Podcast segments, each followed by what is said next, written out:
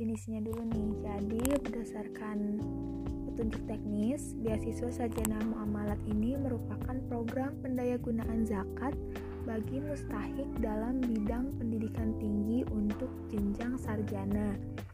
Nah, tujuannya itu untuk membantu mahasiswa dari kalangan mustahik untuk menyelesaikan pendidikan strata 1 atau sarjana dan membinanya agar memiliki jiwa kepemimpinan dan nilai keislaman serta memiliki kemampuan intelektual yang cakap, berdaya saing dan juga penghafal Al-Qur'an.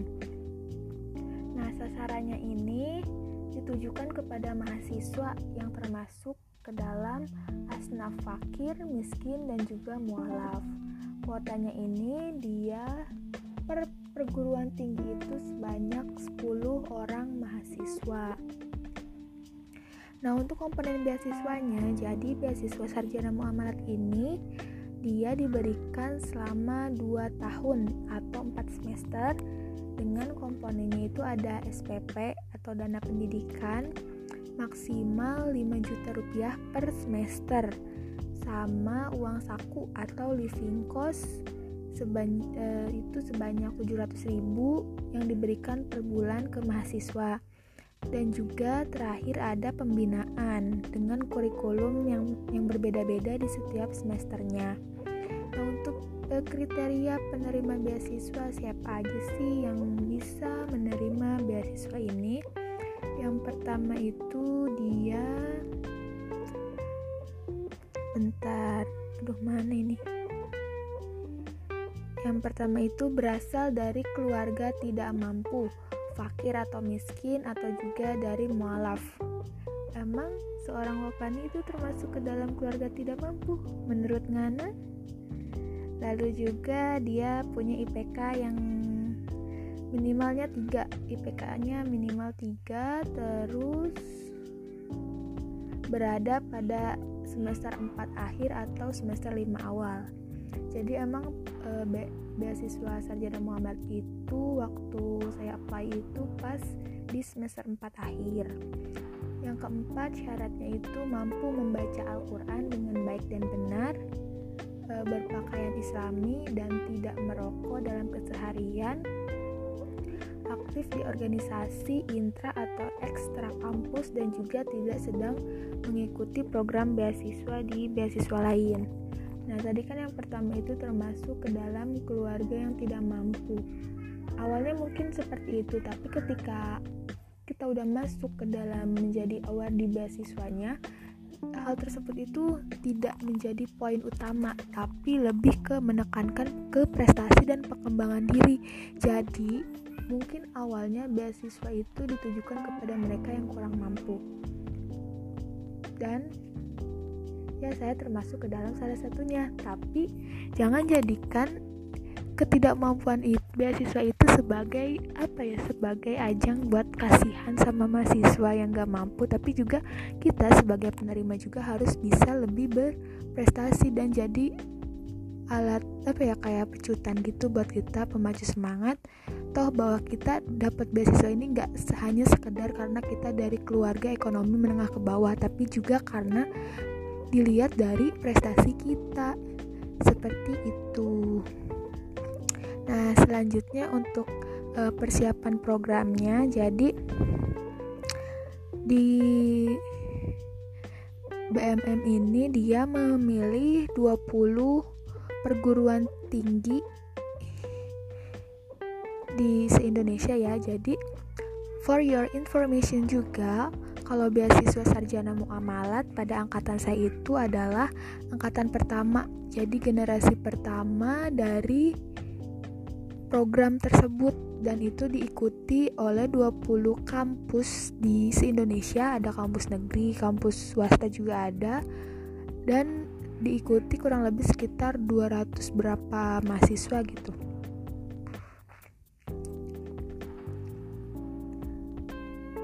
Nah, terus sosialisasi ini nggak penting. Nah, nanti itu para mahasiswa calon penerima beasiswa itu dia akan diseleksi dulu. Ada seleksi administrasi berupa kelengkapan berkas dan kesesuaian dengan kriteria. Itu untuk administrasinya ada permohonan beasiswa kepada BMM jadi kita nulis kayak surat permohonan gitu yang ditujukan kepada BMM agar kita bisa mendapatkan beasiswa untuk pendidikan seperti itulah. Di Google banyak kok pokoknya cari aja.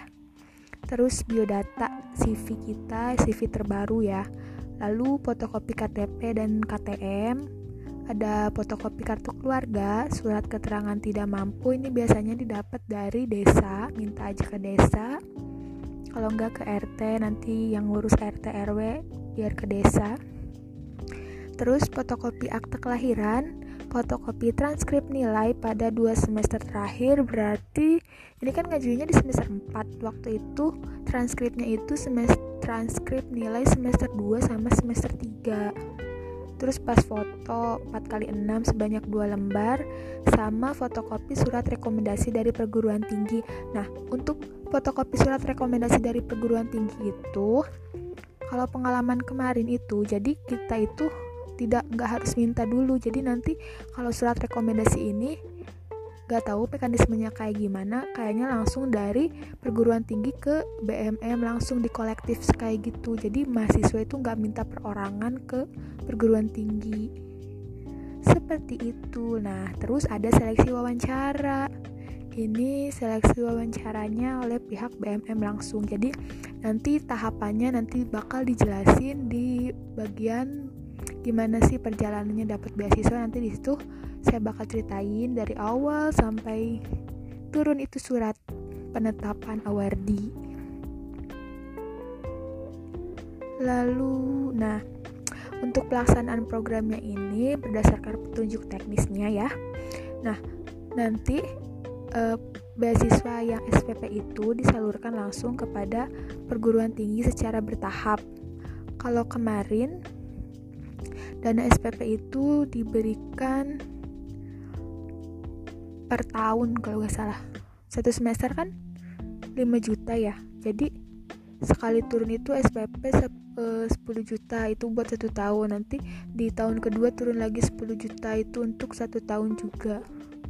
Nah kalau untuk uang saku living cost itu dia diberikannya per bulan 700 ribu langsung masuk ke rekening mahasiswa rekening award uh, awardi awardi jadi nanti mahasiswa awardi itu bakal diminta membuat rekening di bank muamalat untuk pencairannya jadi biar mudah.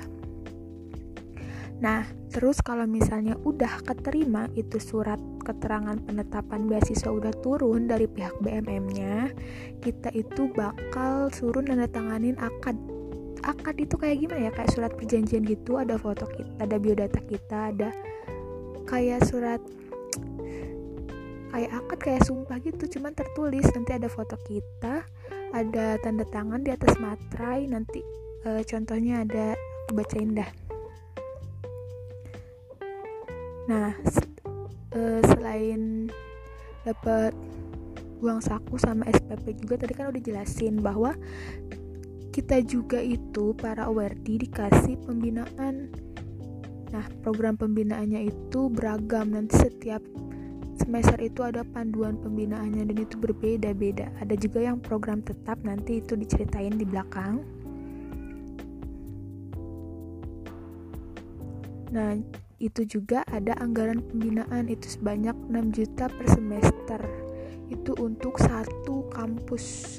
Jadi, bayangin ini bagaimana Masya Allah sekali ya para yang zakat pemberi zakat di infak zakat infak dan sodakoh di BMM itu emang benar-benar disalurkan ke yang membutuhkan dan besarannya itu nggak nggak main-main. Bukan kaleng-kaleng ini. Satu perguruan tinggi aja selama dua tahun itu udah berapa? Berapa puluh juta dikali berapa per, dikali 20 perguruan tinggi itu udah beratus-ratus. Masya Allah. Nah terus nih nah ini nih. Nah kalau tahun tahun angkatan pertama ini perguruan tingginya ada UHAMKA ada TELU ada ITB ada UNDIP Unisma, Universitas Islam Malang, UGM, UII, Amikom, Yogyakarta itu, terus Unhas, Halu Uleo, Erlangga, USU, UINSU, UNJ, sama UMM. Sebenarnya ada 20. 5 lagi mana ya? 5 lagi tuh. IPB juga ada. Terus TICB apalagi ya? Ada pokoknya tiga lagi, gak hafal pokoknya ada 20 aja 20 perguruan tinggi dengan penerima beasiswa itu lebih dari 200 itu nah untuk akad itu nanti eh, kalian bisa visualisasikan aja itu kayak kertas. Nah tulisannya itu di atasnya ada logo BMM terus ada tulisan akan penerima beasiswa sarjana muamalat. Terus ada kutipan ayat bahwasanya orang-orang yang berjanji setia kepada kamu sesungguhnya mereka berjanji setia kepada Allah. Tangan Allah di atas tangan mereka Bismillahirrahmanirrahim. Pada hari ini saya berakad untuk beasiswa sarjana muamalat dengan komitmen moral atas nama diri saya pribadi. Nama nama kita siapa ditulis, tempat tanggal lahirnya juga ditulis, terus dari perguruan tinggi mana dan program studi apa. Lalu lanjutan narasinya itu saya menyatakan siap berkhidmat dalam program beasiswa sarjana muamalat dengan semua ketentuan dan hak dan kewajiban sebagai seorang penerima beasiswa berikut. Nah, di sini ditulis nih hak sama kewajibannya. Lanjutan narasinya, di situ ada haknya nih. Yang pertama, mendapatkan bantuan biaya pendidikan berupa SPP atau UKT maksimal 5 juta rupiah per semester dan uang saku 700 ribu rupiah per bulan selama 2 tahun dan juga yang kedua mendapatkan program pembinaan.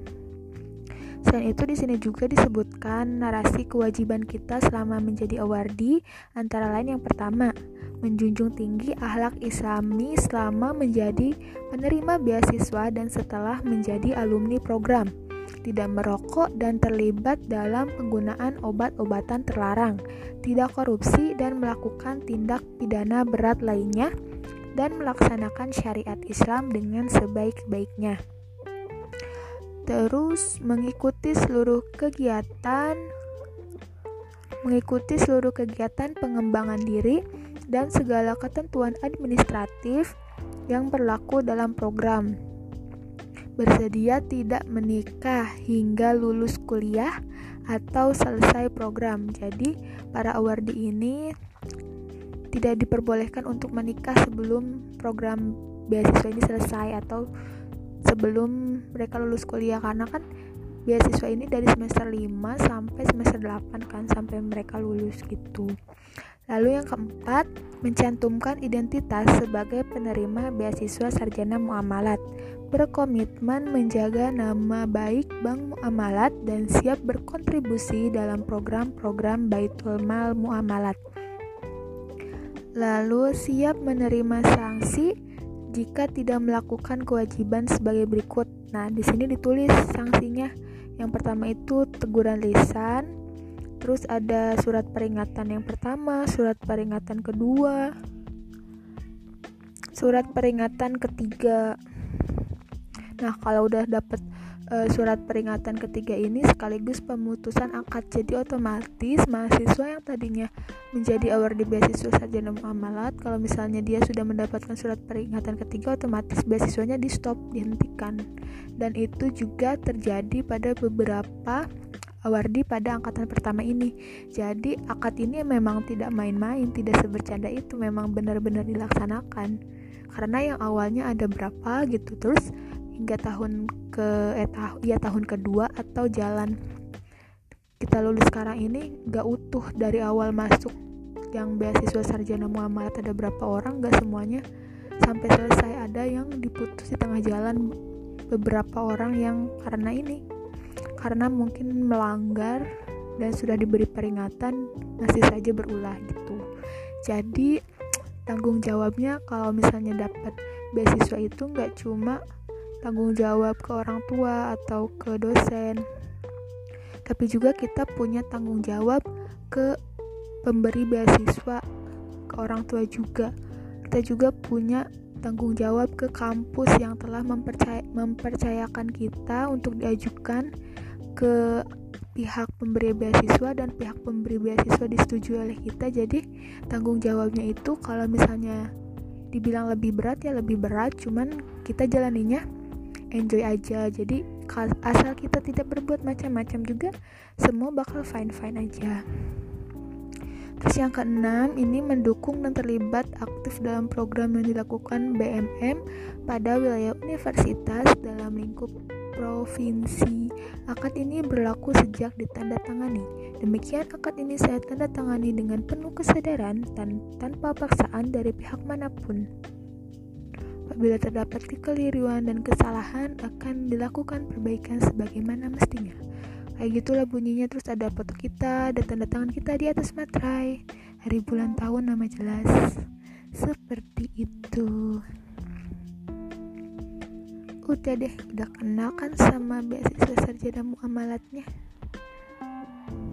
Jadi, beasiswa sarjana muamalat itu beasiswa yang berasal dari Lembaga Amil Zakat Baitul Mal Muamalat.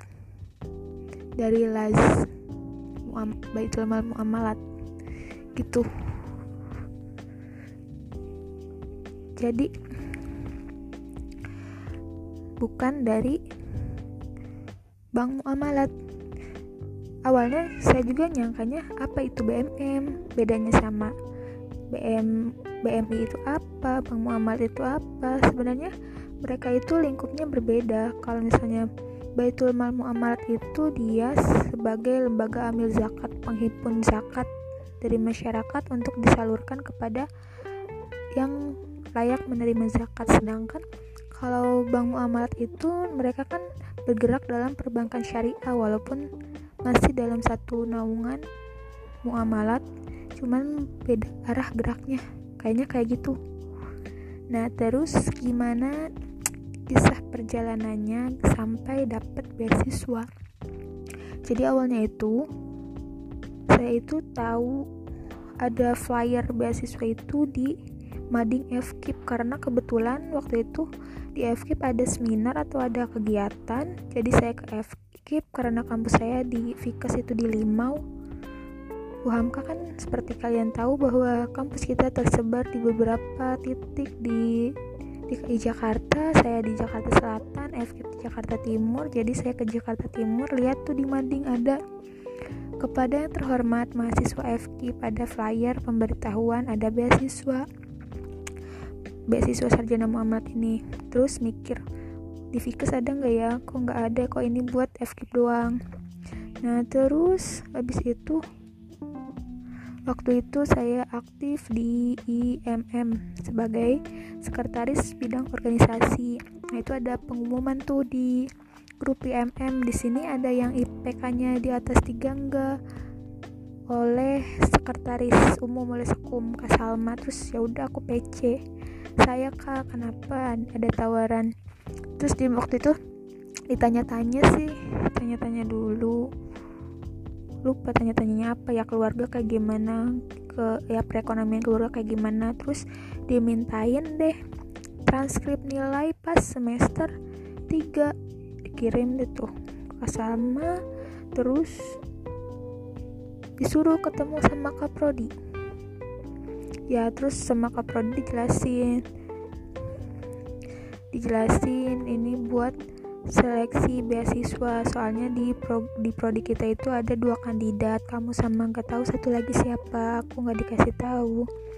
Terus jadi sistemnya itu ternyata gini diseleksi dulu sama prodi nanti sama satu prodi itu satu orang terus ditarik tuh satu fakultas ke fakultas di fakultas dikirim ke universitas. Nah yang yang menentukan itu bukan dari universitasnya tapi pas wawancara sama pihak BMM-nya gitu. Jadi itu kan wawancara pertama tuh di prodi seleksi pertama. Soalnya ada dua orang yang dikirim harus satu orang. Ya udah di wawancara sama kak prodi. Sebenarnya ya pengen banget ya. Cuman karena ada satu orang lagi gak tahu kan siapa yang lebih layak. Ya pesimis ada juga sih insecure kayak gitu. Cuman ya udah deh berdoa aja semoga emang rezekinya. Karena emang kan udah saya tuh udah nyari-nyari beasiswa dari semester 2 itu. Pas ada beasiswa dari mana ya? Lupa dari dikti apa? Dari kemendikbud tuh. Ternyata saya terlambat mengumpulkan dan tidak mendapat itu. Nyesek sekali harus menunggu tahun depan lalu pas semester itu pas semester 2 pas semester 3 saya ke expo beasiswa di gedung DPR MPR buat nyari info beasiswa. Kalau mahasiswa lain kan ke gedung DPR MPR itu pakai almet buat demo kan. Nah mahasiswa cupu macam saya ke sana buat masuk ke dalamnya nyari info beasiswa. Dan dapet tuh eh ternyata itu beasiswanya buat yang mahasiswa mahasiswa baru. Kan nyesek dapat pas jadi mahasiswa baru ketinggalan tuh daftarannya. Pas udah nggak jadi mahasiswa baru eh ada beasiswa tapi buat mahasiswa baru. Jadi ya udah lah. Udah deh terus dikasih tahu dikirim pengumumannya sama kaprodi di pakai WA kalau nggak salah waktu ngechat prodi ibu prodinya. Terus ya udah suruh ngumpulin berkas dan saya posisi di Jakarta merantau sendirian berkas-berkas semua tidak ada di Jakarta dan langsung calling orang rumah minta ini ini ini ini ini minta berkas disebutin dikirimin harus ada hari Senin nanti hari Senin mau pulang itu waktu Ramadan bulan Mei. Masih inget banget pas selesai kodema langsung pulang masih tahunya hari Jumat Jumat sore. Ya eh gak ada yang Kamis sore kalau salah. Kamis sore apa Jumat sore tuh? Kamis sore deh. Itulah pokoknya antara Kamis sama Jumat sore. Dan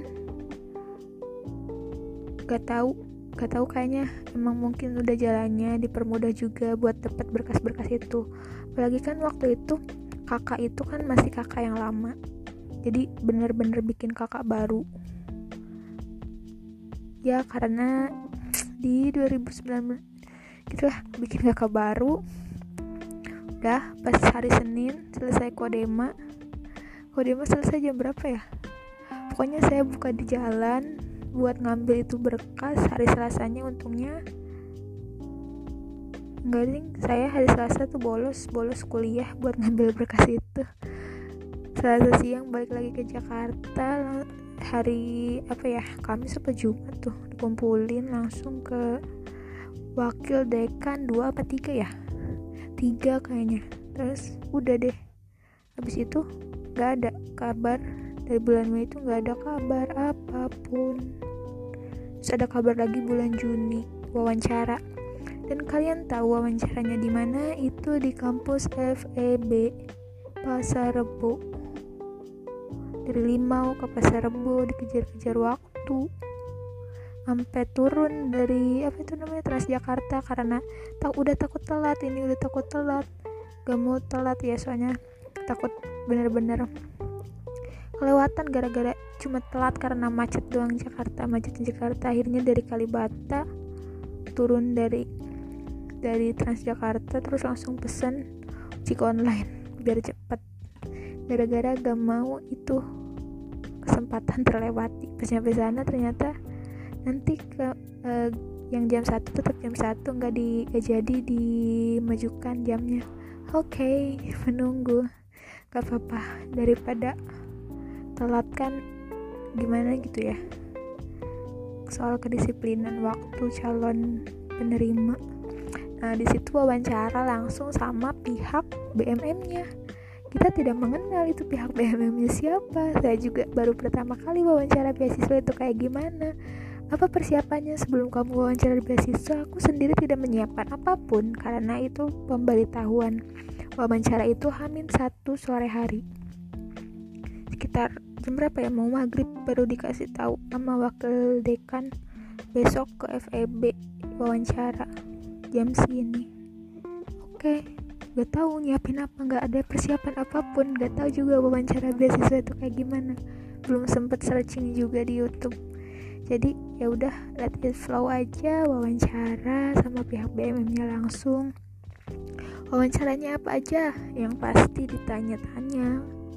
Kamu ya latar belakangnya ditanya latar belakang kayak gimana terus dites dites ngaji juga suruh baca Al-Quran ditanyain tajwidnya enggak ya? Kalau gak salah iya deh. Terus ditanya-tanya juga kegiatannya apa aja selain kuliah. Terus sampai HP kita itu suruh ditunjukin. Coba lihat HP kamu merek apa? Tunjukin merek merek ini. Waktu itu merek Asus ya. Merek Asus harganya berapa terus itu belinya pakai uang siapa terus gitu. Terus juga kan ada powerbank itu ditanya juga powerbank dari mana. Nah kebetulan powerbank itu hasil dari hadiah fresh money pas lomba infografis. Itu waktu bulan Maret kalau gak salah kan dapat juara dua sama temen kan tim dua orang. Dapat fresh money juga kan itu acara NFU NFU Himagizi dapat fresh money lupa antara 300 atau 400 ribu. Dibagi dua kan. Jadi daripada itu uang habis buat makan seminggu nggak berbekas kan. Itu kan hasil perjuangan. Lumayan lomba. Lomba sendiri ngasilin duit sendiri gitu ya akhirnya dipikirin buat beli apa yang butuh dan awet. Akhirnya beli dibeliin lah tuh power bank. Soalnya baterai HP-nya kan udah bocor sangat amat amat bocor. Jadi sangat diperlukan dan sampai sekarang powerbanknya itu masih ada. Jadi benar-benar long lasting hasil dari payah lomba infografis itu ada bekasnya sampai sekarang dari 2019 terus udah deh. Itu udah wawancara selesai udah. Wawancara bulan Juni baru deh akhir Juli baru diumumin. Dikasih surat penetapan award itu dari kaprodi sama wakil dekan wakil dekan ngirim ke WhatsApp. Dan ada nama aku di situ. Alhamdulillah keterima beasiswa. Itu deh dapat beasiswanya. Udah deh terus sampai situ dulu aja ya. Soalnya kepanjangan banget. Nanti kalau program pembinaan itu itu setiap semester itu beda-beda banget. Dan kalau mau lanjut sepertinya di episode selanjutnya saja karena sudah capek ngoceh sendirian. Kayak orang gak jelas emang orangnya gak jelas sih.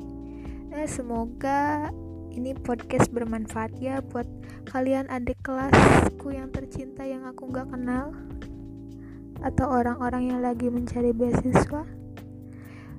Jadi mungkin hmm, tipsnya itu setiap beasiswa itu punya kriterianya masing-masing. Dan alasan kenapa kita dipilih atau enggak itu tergantung yang mewawancarainya pihak pemberi beasiswanya kita like atau enggak sesuai enggak sama uh, kriteria yang mereka inginkan dan kriteria yang akan mereka wujudkan. Ngerti gak sih? Soalnya kan kita itu nanti dibikin pembinaan yang tadi sebutin tujuannya buat ini membuat mahasiswa yang kayak gini gini gini gini. Nah kita se sejalan gak atau memenuhi gak kriteria kita sama program beasiswanya tersebut kalau misalnya sesuai insya Allah kita bakal diterima karena Selalu ingat prinsip bahwa apa yang melewatkanmu tidak akan pernah menjadi takdirmu, tapi apa yang telah menjadi takdirmu tidak akan pernah melewatkanmu. Jadi ketika gagal di satu beasiswa, ketinggalan lah. Udah penutupan baru daftar atau beasiswanya kita udah semester ini ya itu buat semester ini ya berarti kan kita terlewati kan? Berarti ya emang itu bukan rezeki kita. Dan setelah pencarian panjang yang nggak panjang-panjang amat tapi lumayan cukup bikin capek sih. Akhirnya kan dapet juga jadi ya emang mungkin udah rezekinya di situ. Jadi semangat kalau kalian bener-bener pengen dapat beasiswa cari terus sampai ke lubang semut sekalipun. Karena semakin kalian sering mencari semakin kalian apply terus gagal ya mungkin nanti yang plus pas apply berikutnya itu yang kalian terima itu rezeki kalian. Jadi tetap semangat. Thank you. Sampai jumpa di podcast selanjutnya